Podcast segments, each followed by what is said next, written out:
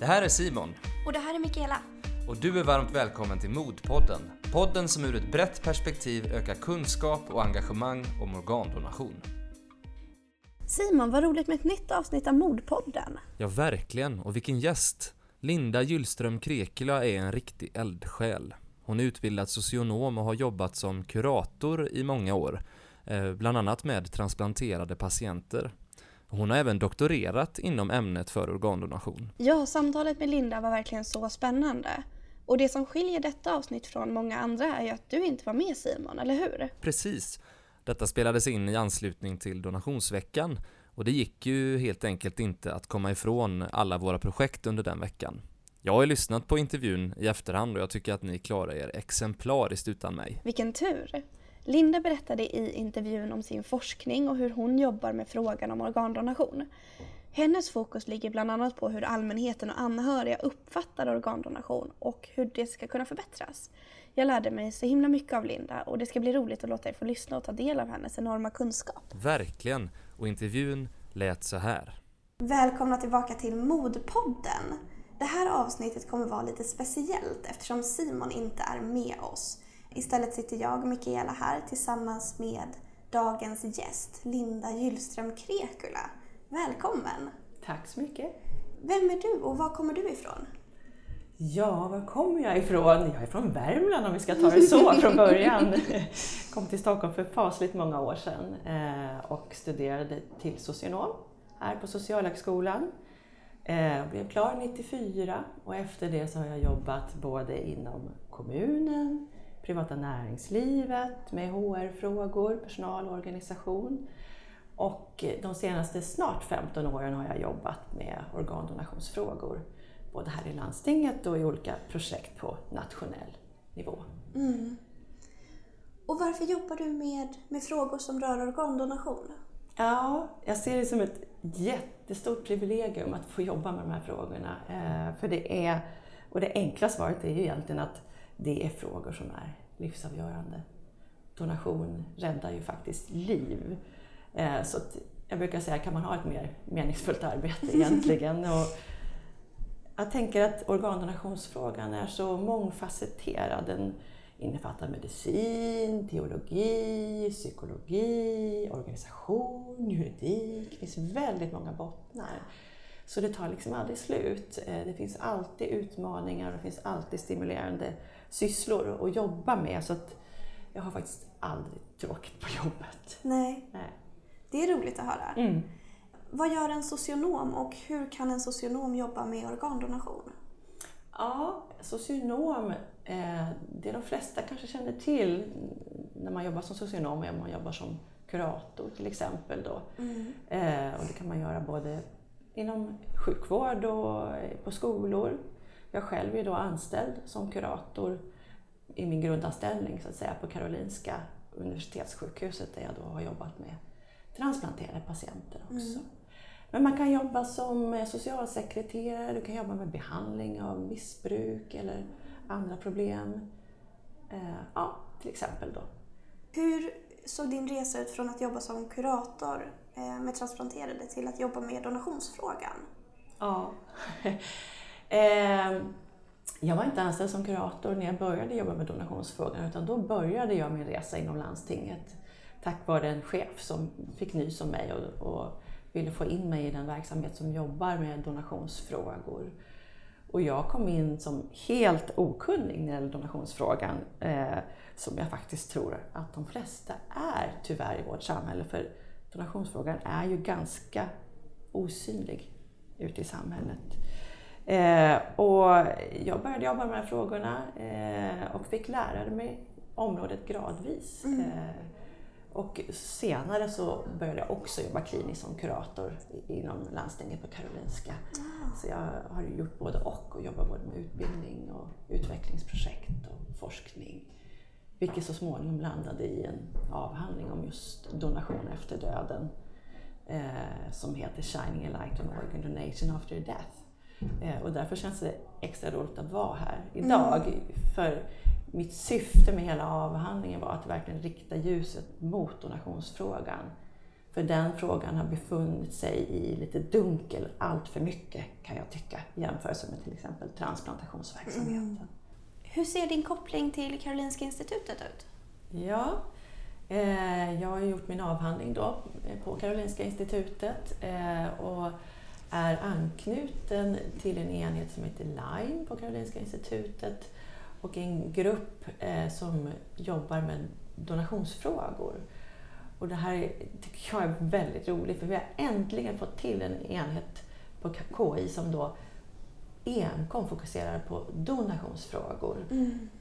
Det har inte funnits tidigare utan då har donationsfrågan fått liksom pressas in under något annat tak. Eh, så.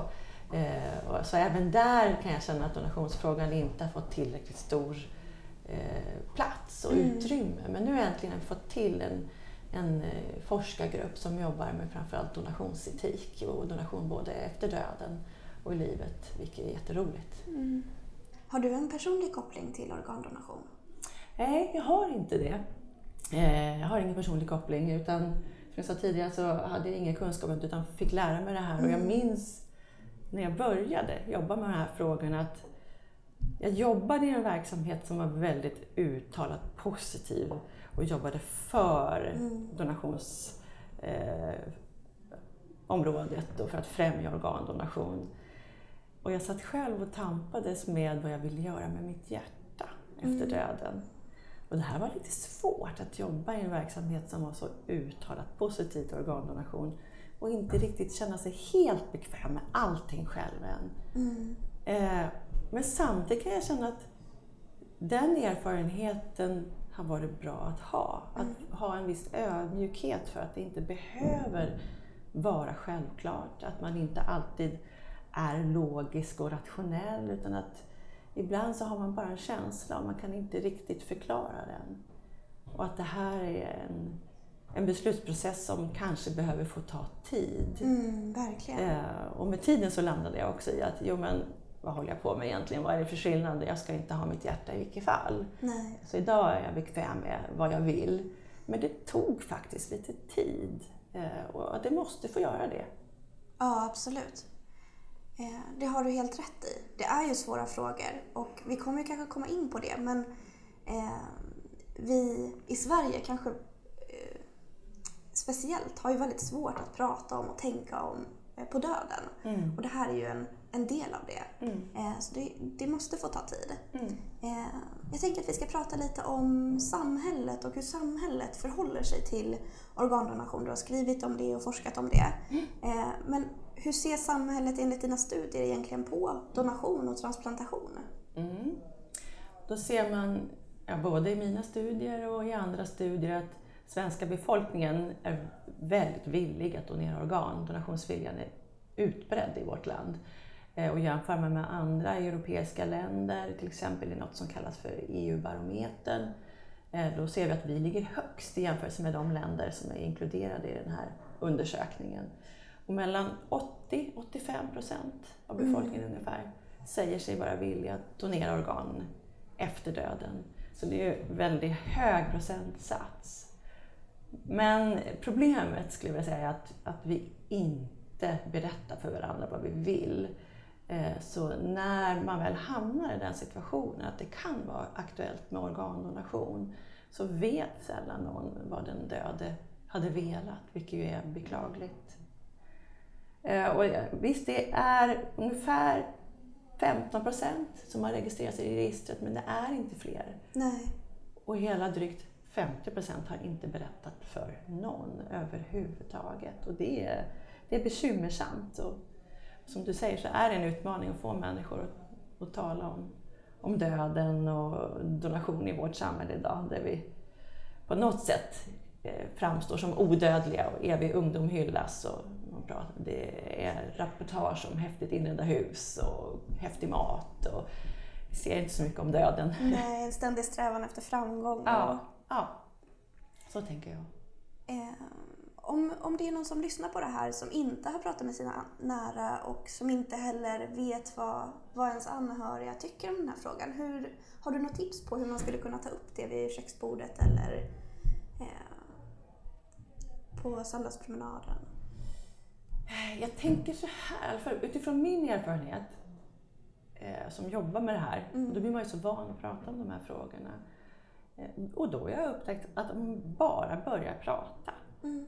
så är det inte så märkvärdigt. Egentligen har människor ganska stort behov att reflektera över sin existens. Mm. Så jag tror att det svåraste är att ta steget att börja prata. Mm. Men jag har suttit på många fester, det kan ju låta absurt, och pratat död och donation och det finns ett jättestort intresse om man bara tar steget. Så jag tror att det handlar om att, att liksom pusha sig själv. Att, och tänka att nu, nu gör jag det. Eh, och att det inte är så farligt som man kanske tror innan. Utan eh, gör det bara. Så tror jag att eh, det kan finnas mycket tankar och funderingar som är spännande att prata om också. Kring Absolut. liv och död. Och om man har, eh, om man har barn, Mm. hur viktigt är det att man pratar med sina barn och i vilket, när kan man börja prata med sina barn om de här frågorna? Mm. Alltså, min erfarenhet säger mig att barn ofta är väldigt rationella Mm. och krånglar till saker kanske mindre än vad vi vuxna gör. Och när jag tittar även på den eh, undersökning jag gjorde gentemot befolkningen, när man tittar på den yngre delen av befolkningen, tonåringar till exempel, så är de de som efterfrågar information i högst utsträckning. De vill veta mer och känner sig underinformerade och tycker det här är ett, ett viktigt område och saknar information. Och när man pratar med barn så det är ganska enkelt för dem att vilja rädda liv. Så. Eh, sen kan en del tycka det är jättekonstigt, men då säger de det. Liksom, sådär. Ja. Men gud vad konstigt, för de kanske aldrig har talas om att man kan operera ut ett organ Nej, och hjälpa precis. någon annan. Men, men det är inte så dramatiskt. Alltså, Eh, man De ska- kan snarare vara en hjälp, tänker jag, i ett samtal med sin krassa, eh, alltså sina krassa uttalanden som det ibland blir. Precis, man ska inte vara rädd att prata om de här frågorna med sina barn heller. Nej, Nej. nej. Eh, Snarare tvärtom så vet vi att många barn sitter med mycket funderingar också kring liv och död och har ett behov av att få prata om, Mm. om livet. Så. Sen får man ju anpassa till vilken ålder de är i, självklart så. Eh, Och och läsa av vad barnen vill veta. Och lyssna på deras frågor så man inte heller överinformerar eh, och pratar om saker som de kanske inte är redo för. Men ja, det går absolut att prata om det. Om man pratar om donation och transplantation eh, utifrån samhället, ser samhället som grupp donation och transplantation som skilda företeelser eller som två led i samma kedja? Mm. Det är en viktig, viktig fråga tänker jag, som du lyfter nu. Eh, för ingen skulle ju ytterst donera organ om det inte också fanns mottagare till organen, om, om inte organen fungerade i mottagarna. Så det är ju egentligen en naturlig kedja. Men jag tror att vi måste tydliggöra den kopplingen gentemot samhället och mot befolkningen. Eh, För den är inte så självklar kan jag uppleva, utan man ser donationsfrågan som en fråga för sig.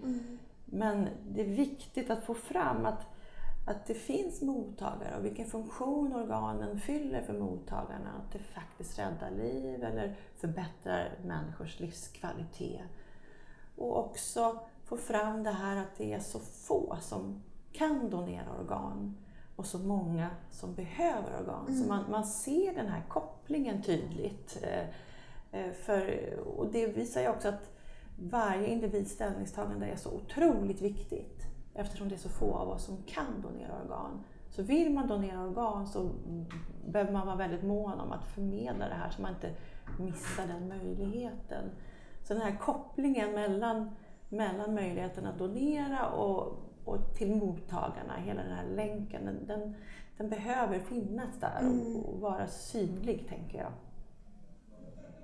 Varför är det så få av oss som kan donera sina organ efter döden? Mm.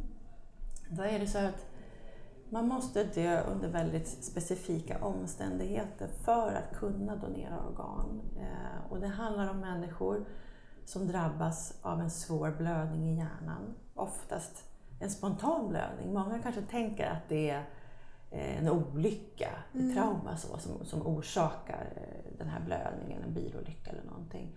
Men så är det inte. Utan de flesta som blir donatorer har drabbats av en spontan blödning i hjärnan. Eh, ofta någon gång medelåldern eller övre medelåldern. Så. Eh, Om man kommer in eh, till sjukhuset och, och, behöver då få hjälp med andning och cirkulation via en respirator. Mm. Eh, och trots att man då gör allt för att rädda den här människans liv så, så går det ju inte alltid. Eh, så då dör de här människorna eh, inom intensivvården medan de vårdas i respirator. Men det är bara de som dör just under de här omständigheterna som kan donera organ eftersom kroppen behöver vara syresatt av respiratorn efter döden. Och det är väldigt få och tittar man då i, i vårt land så är det ungefär 90 000 människor som dör varje år. Och ungefär 3 500 dör inom intensivvården och cirka tusen av dem dör under de här specifika omständigheterna av en svår blödning i hjärnan medan man vårdas med respirator. Mm. Men i slutänden så var det till exempel förra året bara 185 av dem som kunde donera organ och då var det ändå det året vi hade flest donatorer, donatorer i Sverige någonsin. Mm. Och det här råder en missuppfattning om tror jag, att man tror att det, alla som dör kan donera organ, men så är det verkligen inte. Och det gör ju också att ställningstagandet är så otroligt viktigt. Finns det några speciella orsaker till varför folk inte vill donera sina organ? Först och främst är det viktigt att lyfta fram och påpeka att beslutet om donation är högst personligt. Mm. Ett existentiellt beslut eh, där alla har rätt till sitt eget ställningstagande. Oavsett om det är ett ja eller nej så, så måste man respektera människors egen inställning till donation och det, det är viktigt att lyfta fram, tänker jag, i de här sammanhangen. Men samtidigt så är det så att vi vet att en del som säger nej till donation baserar det här nejet på, på missuppfattningar, på bristande kunskap, så jag tror hänger ihop med att vi inte mm. informerar befolkningen i tillräckligt hög utsträckning om organdonation. Men om man tittar på de vanligaste orsakerna eh, så är det vanligt att man säger att man vill att kroppen ska vara hel. Man vill inte bli skuren i. Eh, och en del vill bli, bli begravda enligt äldre traditioner, en vanlig jordsättning med, med hel kropp. Så. Mm. Det finns också föreställningar om att man kanske kan komma att behöva sin kropp i en annan existens. Och det här måste vi ju respektera, att man kan ha olika uppfattningar om kroppen, om liv och död och andra existenser. Eh, och den här olusten för själva donationsingreppet. Men ibland kan det också handla om att man då har fantasier om hur donationsprocessen går till och hur donationsingreppet går till och att det är viktigt att vara ärlig och konkret kring de här frågorna. För där har vi också sett att det finns en hel del missuppfattningar och en av dem är att man är för gammal och för sjuk till exempel eh, för att donera organ. Mm. Att man av omsorg till mottagarna Eh, bestämmer sig för att inte donera eh, för att man ser sig själv som för gammal och för sjuk. Och då vet vi att vi har donatorer som är i 80-årsåldern som kan ha jättefina mm. organ. Och det avgörs ju från, från fall till fall helt enkelt. Och till och med medelålders kvinnor tror sig vara för gamla och för sjuka. Ja, precis. Vilket är ju beklagligt. Mm. Ja, i Socialstyrelsens rapport, eh, Socialstyrelsens rapport från förra året så så stod det att den äldsta donatorn förra året var 88 år. Ja. Det är helt... Ja. Eh, och det är många som inte tror det. Ja. Men, men organen åldras ju kanske på ett helt annat sätt än vad, vad andra vävnader gör. Mm. Och det kan vara ett organ som fungerar bra och andra som inte fungerar. Precis. Och det bedömer man ju i varje unikt fall så att säga. Och sen har vi en annan missuppfattning som jag tror för mig i alla fall känns väldigt viktigt att lyfta fram. Och det är det här att man är rädd för att man får sämre vård mm. om man donerar organ. Att man på något sätt kan missvårda fram en donator. Jag tänker att det är så otroligt viktigt att förmedla att om man ska donera organ så behöver man få den allra bästa vården. För annars förstörs ju organen. Så det är en motsägelse. Det går mm. liksom inte att missvårda fram en donator och det är viktigt att vara tydlig med det. Att även om du donerar organ så får du samma goda vård, du får inte sämre vård för att du tar ställning till att donera organ. Eh. Nej. Finns det några fler missuppfattningar eller förutfattade meningar kring organdonation i samhället? Mycket funderingar som jag mött, bland annat i fokusgrupper som jag har gjort mm. med allmänheten, är vilka får egentligen organen? Hur vet jag att det här är en människa som kommer ta hand om organet och som kommer förvalta min gåva på ett bra sätt? Och där tänker jag att det är viktigt att lyfta fram att man gör en noggrann utvärdering av de patienter som sätts upp på väntelistan för organ. Att man verkligen utvärderar den medicinskt. Man ser att den här personen, dels måste man vara tillräckligt sjuk för att överhuvudtaget få komma upp på listan. Sen måste man vara tillräckligt frisk för att klara av en transplantation. Mm. För det är ju en, en utmaning för kroppen att få det här nya organet. Eh, men man utvärderar också den här människans livssituation och hur man tror att den kommer följa Eh, de rutiner och medicinering och så som krävs efter en transplantation för att organet ska fungera. Så det är högt ställda krav på de som får organen. Och att man, om man tar ställning till donation kan känna sig trygg i att det här är människor som kommer ta hand om den här gåvan. Jag tänker, vi har ju varit inne lite på varför människor inte pratar med sina anhöriga om organdonation. Finns det något mer man kan säga om det än vad vi pratade om inledningsvis? Jag tänker så här, att jag tror det, det vanligaste är nog helt enkelt att man inte tänker på att man ska prata om organdonation. Man blir inte påmind. Nej. Det är ingen som väcker frågan. Det, är, det, finns inte i media allt för sällan. Nu finns ju MOD som är mm. en jättefin verksamhet som verkligen riktar ljuset, som jag pratar om, eh, på donationsfrågan. Men det har inte funnits så fasligt länge. Eh, och någon annan myndighet eller organisation har inte haft det här uttalade uppdraget att informera befolkningen. Så jag tror helt enkelt att det handlar om befolkningen inte tänker på att det här är en mm. viktig fråga att prata om helt enkelt. Men sen var du också inne på det här med döden tidigare. Precis. Eh, att eh, det kan vara tufft att prata om liv och död så, i vårt samhälle. Att det, det inte ges så mycket utrymme för de här samtalen i det här samhället som vi lever i. Där döden någonstans finns på sjukhus lite i skymundan. Så. Mm. Mm. Verkligen. Hur skulle man kunna öka samhällets kunskap och engagemang om organdonation? Ja, vi har ju genomfört ett par kampanjer i Sverige tidigare eh, och jag har tittat på eh, effekterna av de här kampanjerna. Så. Och om det lönar sig att ha tillfälliga kampanjer. Och då var det en mer kort kampanj som bara pågick under en månad och sen var det en mer långsiktig som pågick under ett år som mm. jag tittade på. Och där ser man den här korta vi såg inga skillnader i de mätningar vi gjorde, i de opinionsundersökningar vi gjorde före och efter. Men, men den här längre kampanjen verkar ha haft en påverkan på just medelålders kvinnor. Mm. Och överhuvudtaget så, i olika sammanhang så ser man att det är ofta de medelålders kvinnorna som är budbärarna i de här frågorna. Eh, och de hade i högre utsträckning börjat kommunicera kring organdonation eh, och ta ställning. Eh, och den här kampanjen byggde mycket på just emotionella budskap. Här tror jag det är lite nyckeln att tänka att okej, okay, vilka budskap når olika delar av befolkningen? Att man mm. inte bara har en form av information eller kampanj. Eh, och att man också lär av det här att okej, okay, det är det här långsiktiga som verkar kunna ha effekt på människors eh, sätt att ta ställning och förmedla sig. Eh, och jag tror att det är det som krävs, att man har kontinuerlig information, upprepad information, att man uppmuntrar människor att ta ställning, inte bara en gång, utan många gånger mm. under sin livstid.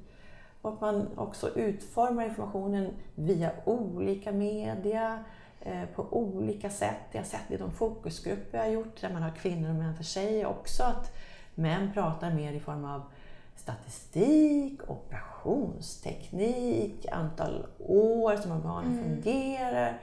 Eh, Medan kvinnor pratar mer i former av relationer, emotioner, Så det verkar fortfarande vara så att det är en skillnad i vilken information man vill ha. Mm. Så att vi måste bli bättre på att informera på olika sätt i olika media och göra det kontinuerligt. Och något av det som jag tänker är otroligt viktigt kring den här känsliga delen egentligen, vården i livets slutskede, är ju att vara så konkret och tydlig så att man inte riskerar att, att rubba förtroendet för sjukvården. Det här förtroendet tänker jag som är väldigt högt i vårt land. Vi har ett väldigt högt förtroende för, för sjukvården. Mm. Och faktiskt när man har tittat på det, donationsutredningen tittade på vilket förtroende man hade för donationsverksamheten och det var än högre än för sjukvården överlag. Eh, och det här förtroendet ska vi verkligen värna om. Eh, och, för att upprätthålla det här förtroendet så tror jag just att man behöver vara så här ärlig konkret kring vad som sker eh, under vården i livets slutskede. Och nu när vi är inne på vården i livets slutskede och att just vara konkret så kanske man undrar hur situationen ser ut för den potentiella donatorn. Ehm, ja, vi var lite inne på det tidigare, att, att det handlar om människor som oftast har drabbats av en spontan blödning i hjärnan och det är oftast väldigt plötsligt och oväntat.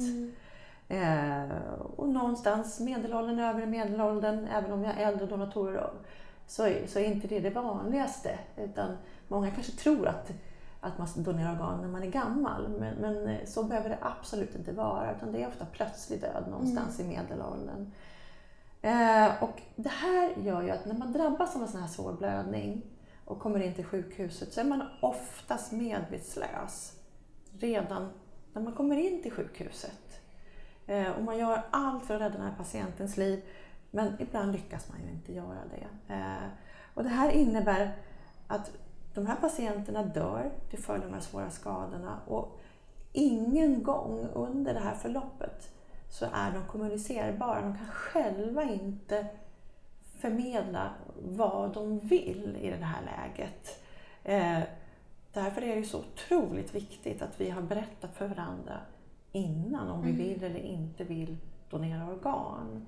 Eh, och att det är en stor hjälp både för personalen och närstående att man har berättat vad man vill. Eftersom de här patienterna kan inte själva tala för sig själva. Nej, precis. Eh, Och jag skulle vilja att vi går över och pratar lite om personalen på sjukhuset. Eller på sjukhusen. Hur ser attityden ut hos personalen? Eh, Kan man se att, eh, att sjuksköterskor och läkare på intensivvårdsavdelningarna känner obehag inför de här frågorna? Ja, och som en liten bakgrund jag som är viktigt att, att förstå då, det är ju att en donation sker ju så sällan. Om vi tänker förra året när vi hade 185 donatorer i Sverige. Om man då delar upp det på alla sjukhus och alla intensivvårdsavdelningar och på all personal. Så kan man ju tänka sig hur sällan varje enskild personal möter de här frågorna. Eh, och, en logisk konsekvens tänker jag av, av det är ju att det finns en ovana kring att hantera den här donationsprocessen.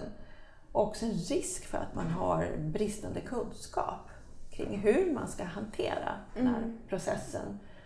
Och då är det ju inte så märkligt om man känner en viss osäkerhet och olust för att gå in i de här eh, processerna och att väcka donationsfrågan med närstående. Och dessutom så vet jag också från andra studier, också när jag möter intensivvårdspersonal, att det är tufft för dem att man gör allt för att rädda liv, men ibland lyckas man inte med det. Och att det även som personal kan vara känslomässigt krävande och upplevas som ett misslyckande. Att man inte har lyckats rädda den här patientens liv. Och sen ska man då väcka donationsfrågan. Eh, och sammantaget tänker jag att de här omständigheter, omständigheterna kan göra att man känner ett visst motstånd, ibland olust. Eh, och så finns det ju också alla varianter av attityder till organdonation inom sjukvården. De är Mm. också bara en del av befolkningen och tar med sig sina attityder in i si- sitt arbete. Eh, och ibland har de också föreställningar kring hur närstående upplever att få de här frågorna som gör att man kanske tror att man åsamkar dem smärta eller skada genom att väcka donationsfrågan. Eh, så det är en utmaning mm. att, att liksom hitta en trygghet kring de här processerna för personalen. Vilket inte är så konstigt just eftersom det är så sällan man hanterar det här. Kan läkarens bemötande hjälpa eller skada anhöriga inför en eventuell donation? Mm. Ja, jag tänker det viktigaste för läkaren och läkarens roll är att vara helt ärlig och tydlig mot de närstående. För jag tror att det är det enda sättet att skapa trygghet kring donationsprocessen. Att faktiskt besvara alla frågor ärligt, ge närstående tid också. Att de behöver tid mm. att, att processa det här. Och det är inte alltid enkelt, för läkarna är oftast väldigt upptagna och har mycket saker att hantera. Eh, så det är en utmaning att skapa den här lugnet och tiden. Och är det så då att läkaren känner sig pressad eller har en viss olust för att gå in i de här samtalen så finns det en risk att det här smittar av sig på den mm. närstående. För det har man sett, trots att man befinner sig i chock och kan verka väldigt avstängd, så är många hyperkänsliga för de stämningar som råder i rummet och känner av väldigt väl om det finns osäkerhet, om man förmedlar någon eh, osäkerhet. Så. Eh, så att, ja, det är viktigt hur man hanterar det här. Men, men att skada, jag vet inte om jag skulle vilja säga att man skadar, det beror på hur man definierar skada. Mm. Men, men det man har sett är att det kan komplicera sorgeprocessen eh, om det här inte hanteras på, på ett bra sätt. Eh, och sen rent konkret kan det också vara så att klarar man inte av att svara på frågor och vara ärlig och öppen så finns det en risk att närstående faktiskt baserar beslutet på fel grunder. Mm. Och att det blir ett till exempel nej till donation på helt fel grunder. Och det är lika illa om det blir ett ja till donation på fel grunder. Eh, men att det är en risk i de här sammanhangen eh, att det blir ett beslut som närstående sen får leva med som man inte känner sig nöjd med. Ja, precis. Eh, och du nämnde ju tidigare att i många fall så vet inte de anhöriga om den avlidne var positiv eller negativ till, till att donera sina organ.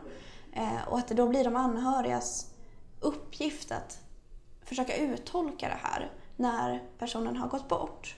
Har du mött anhöriga som har eh, sagt ja, eller vad man ska, hur man ska formulera det, mm. eller nej till donation som sen har ångrat sig i efterhand? Mm. Ja, det är som du säger, de flesta ställs ju inför att försöka uttolka vad den här avlidna personen hade velat. Och har du någon som är trygg, eh, som kan ledsaga dig genom den processen och hjälpa dig resonera kring hur var den här personen under sin livstid? Vad tror ni hade varit i enlighet med den här personens sätt att vara, att leva? Eh, så kan man förhoppningsvis komma fram till ett beslut som man sen känner sig nöjd med eh, även i efterförloppet. Men eh, jag och också andra har i olika studier sett att det är så att de som säger nej till organdonation eh, oftare ångrar att de kom fram till att det inte ska bli en donation mm. än de som har kommit fram till att jo, men vi tror att vår pappa eller dotter eller vem det nu är hade velat donera organ. Eh, så att jag tror att det är de här förhastade nejen eh, som man oftare ångrar och där är det verkligen sjukvårdens uppgift att hjälpa närstående att fatta beslut på rätt grunder så att man inte ångrar det i efterhand. Eh, men någonstans upplever jag att det här med nej är väldigt laddat mm. Eh, i många sammanhang i samhället. Och att när någon säger väldigt starkt nej så är vi rädda för att fråga vidare. Men där, där är det verkligen personalens uppgift att, att våga fråga vidare men fortfarande på ett respektfullt sätt och säga hör att du säger nej. Berätta, hur, hur tänker du mm. kring, kring det här nejet? Och Vad sitter du med för tankar? Och hjälpa dem att nysta det här. För ofta är det ett nej till hela den här tragiska situationen. Eller ett nej till döden. Man vill bara få ett avslut och det är så himla tufft och jobbigt för dem. Eh, det kan vara ett nej till att, nej ska ni skära i honom? Mm. Hur kommer det gå till? Då kan man hjälpa till och svara på de här laddade frågorna så att man får veta ärligt eh, kring hur det går till så att beslutet verkligen fattas på rätt grunder. För det är ju faktiskt så att det man ska komma fram till är den avlidnes vilja. Det är samma för ja. Det är jätteviktigt att man också frågar hastiga ja. Jag har hört att säga ja. Visste du att, att din fru ville donera? Så att man verkligen mm. bemödar sig om att ta reda på vad det här jaet eller nejet står för. Så. Det är jätteviktigt. Hur upplever närstående frågan om, om donation? Mm.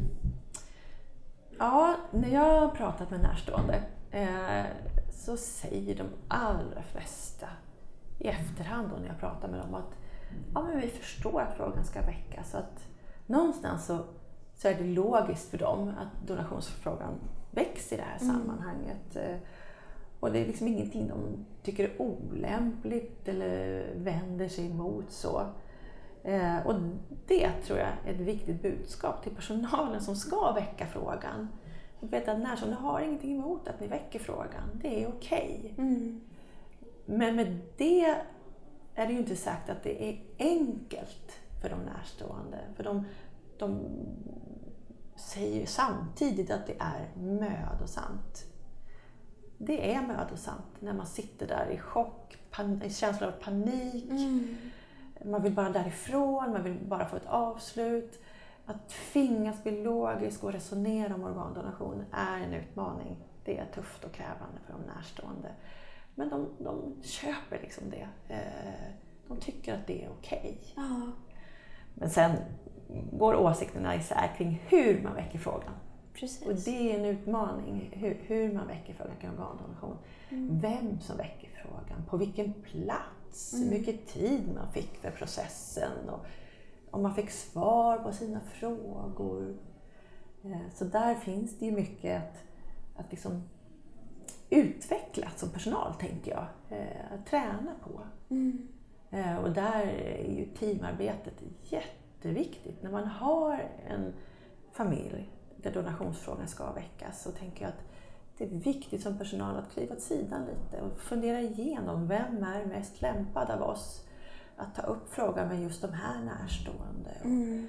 Eh, vem känner de bäst? Vem har, vem har de förtroende för? Och, och var befinner de sig i processen? Och att man verkligen tänker till eh, och, och kanske också tar reda på en del om man känner att det var länge sedan jag höll på med det här. Och, och sen i samtal, om man inte vet, var ärlig med att ja, men, vet ni, det här får jag ta reda på. Mm. Det var ett tag sedan. Så liksom, trassla inte in sig i saker, utan var ärlig. Så.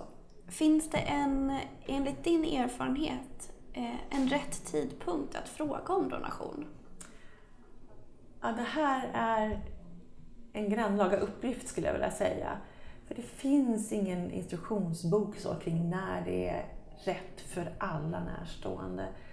Men det jag kan se är att när närstående har förstått att döden är ofrånkomlig, mm att den som är där på sjukhuset kommer dö, då är det okej okay för många att resonera kring organdonation.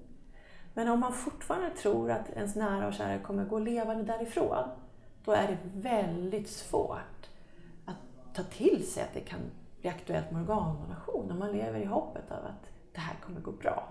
Så A och O eh, ser jag är att man, de närstående har förstått att mm. det här kommer inte gå, döden är den enda utgången. Då tror jag det är möjligt att prata om organdonation. Jag tänker att för många kan, kan det vara svårt att uppfatta döden just för att eh, den döde fortfarande ser levande ut. Mm. Att det ser ut som att kroppen andas och hjärtat slår och mm. handen är varm mm. till exempel. Mm.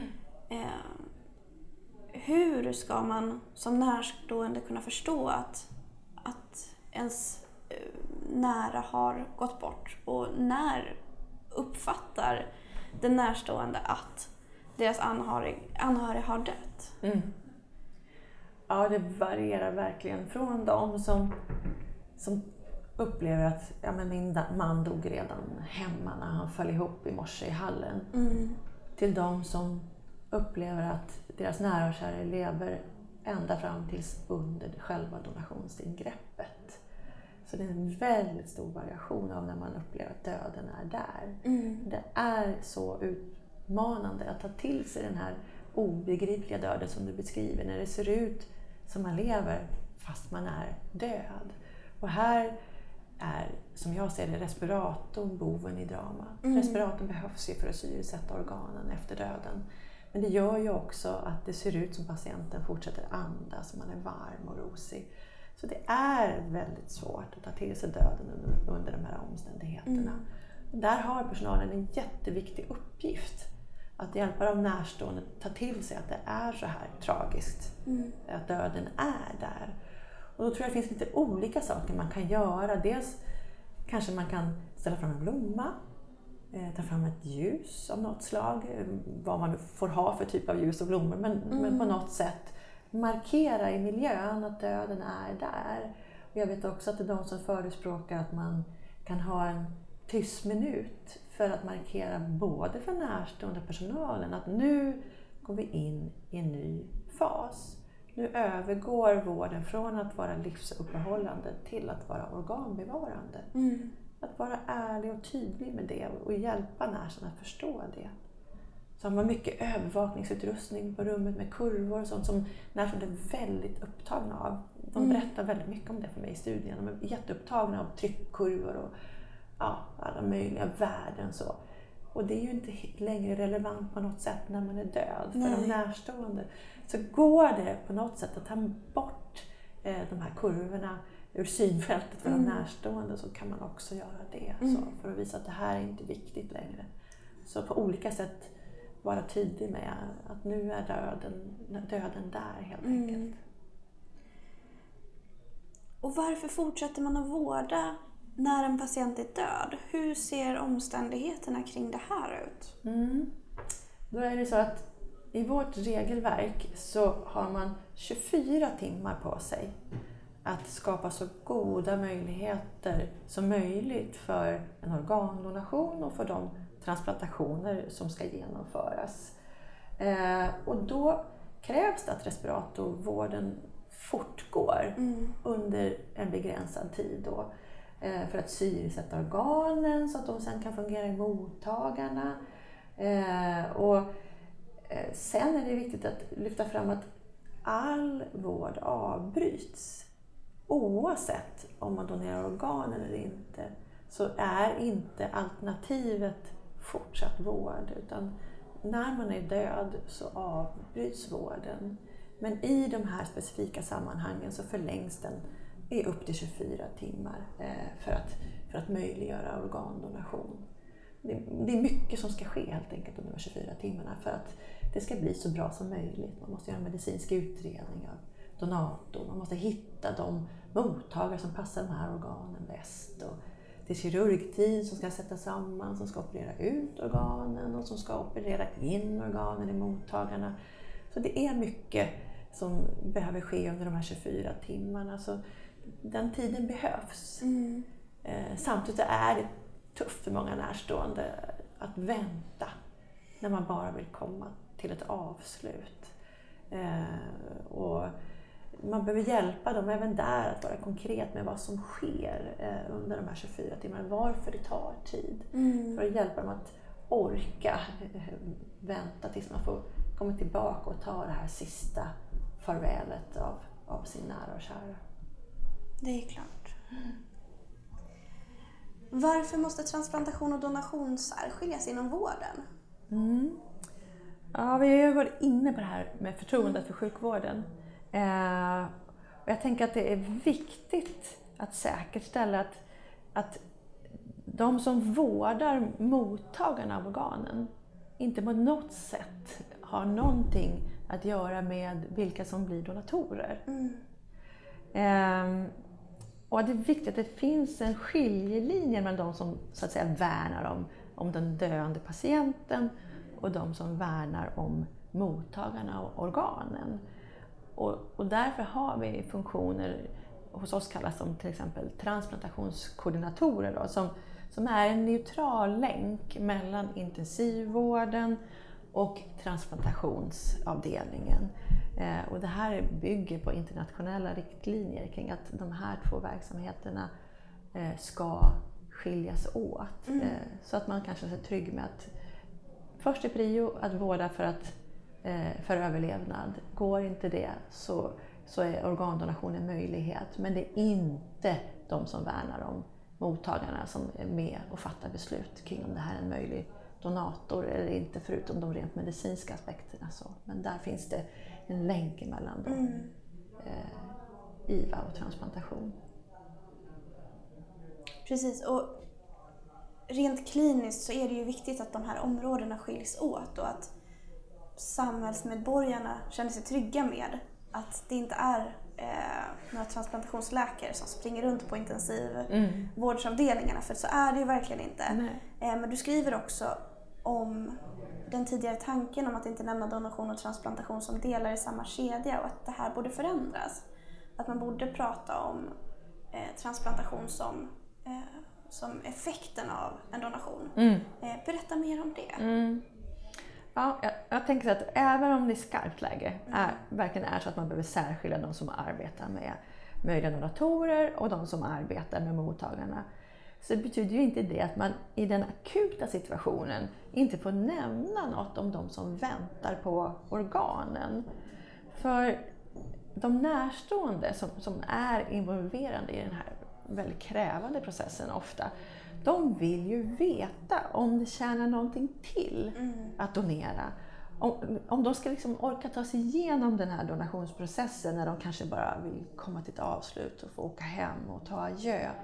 Um, så hjälper det dem ofta att orka om de också får veta att det här leder till någonting gott.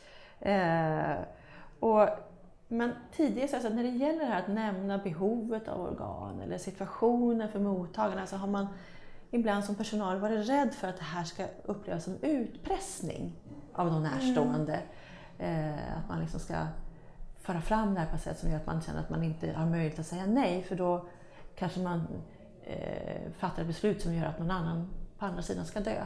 Eh, och det är ju inte det eh, som man ska förmedla, men de vill ändå veta om det här leder till, till någonting gott. Mm. Finns det människor som väntar och, och vad bidrar det till om vi eh, landar i att min man skulle donera organ till exempel. Eh, så det är viktigt att få fram det, men på ett respektfullt sätt så, mm. tänker jag utan att utöva press. Nej, precis. För att alla har ju kanske de här funderingarna även om de inte formulerar, formuleras rent mm. verbalt. Mm. Jag möter det efteråt mm. sådär att de gärna vill veta, hade det, hade det någon eh, Fyllde det någon mening? Var det, någon, var det någonting bra med att, att min son donerade organ? Eh, och det, en del har inte fått den eh, vetskapen. Och, och, att många också säger att i skarpt läge hade det hjälpt oss att veta att det här leder till någonting gott, för, i de allra flesta fall. Så. Mm. Eh, om vi tittar på mottagarsidan, upplever du att mottagaren också har frågor och funderingar om sin donator? Mm. Det är samma sak där. Mm. Eh, likväl som eh, givarsidan, de närstående vill veta om mottagarna, så vill de som, mottagarna som får organen veta om, om givaren. Och när jag då har jobbat som kurator med transplanterade patienter så har jag alltid frågat dem hur tänker du kring ditt nya organ mm. och, och resonerat med patienterna om, om det här organet. Och då märker jag att det finns mycket funderingar kring hur det går till i Sverige och var det här organet kommer ifrån. Och, och jag upplever att det har gjort många mottagare gott att få veta lite kring det här. Och en fundering som många lyfter fram i samtalen med mig, det är det här att ja, men, är det här en person som har dött för att jag ska kunna få ett organ? Mm. Att man kan gå med lite skuldkänslor för att man har gått och väntat eh, och så är det någon som dör för min skull. Mm. Och vad brukar du säga då? Jag tänker så här att det är ju så att det här är en person som, som har dött oavsett donation eller inte. Om den inte hade donerat organ så hade den inte överlevt. Det är så tragiskt. Det här är en människa som, som, har, eh, som har dött. Eh, och det har ingenting med mottagaren att göra. Men man kan ändå sitta med de känslorna kring att ja, det här är någon som har dött för min skull. Mm.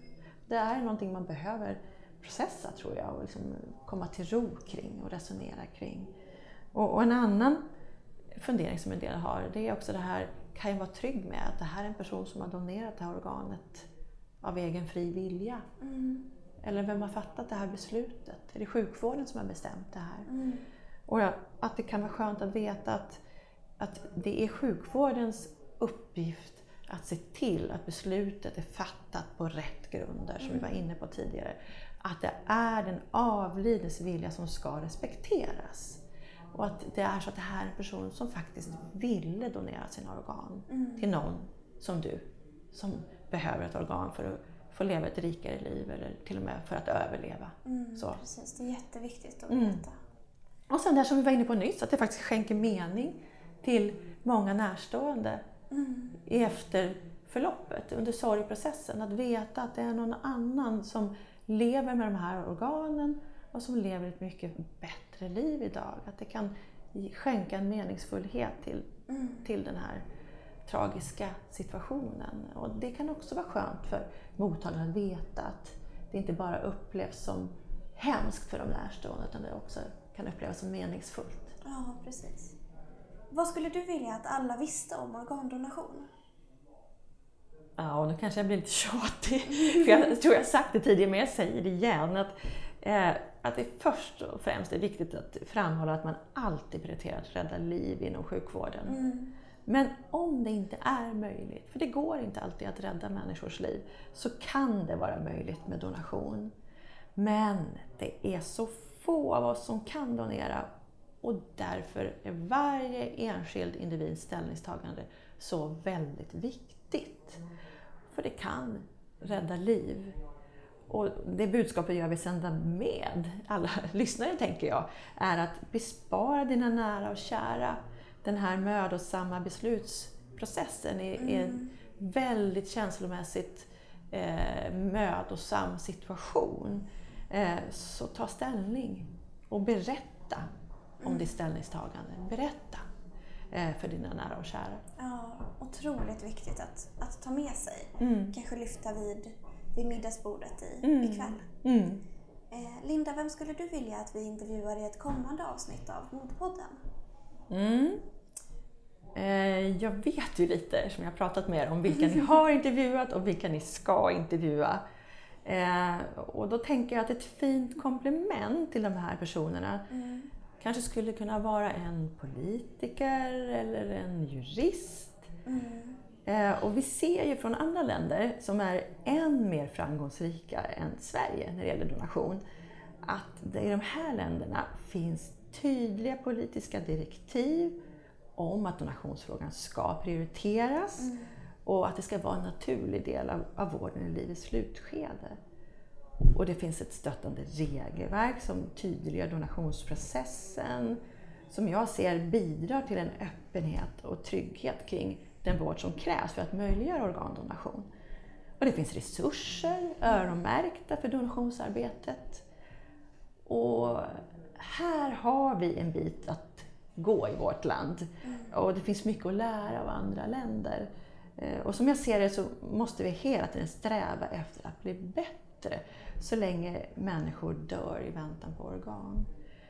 Och i de här sammanhangen så ser jag att våra politiker och vårt regel, regelverk eh, har en väldigt viktig roll. Mm.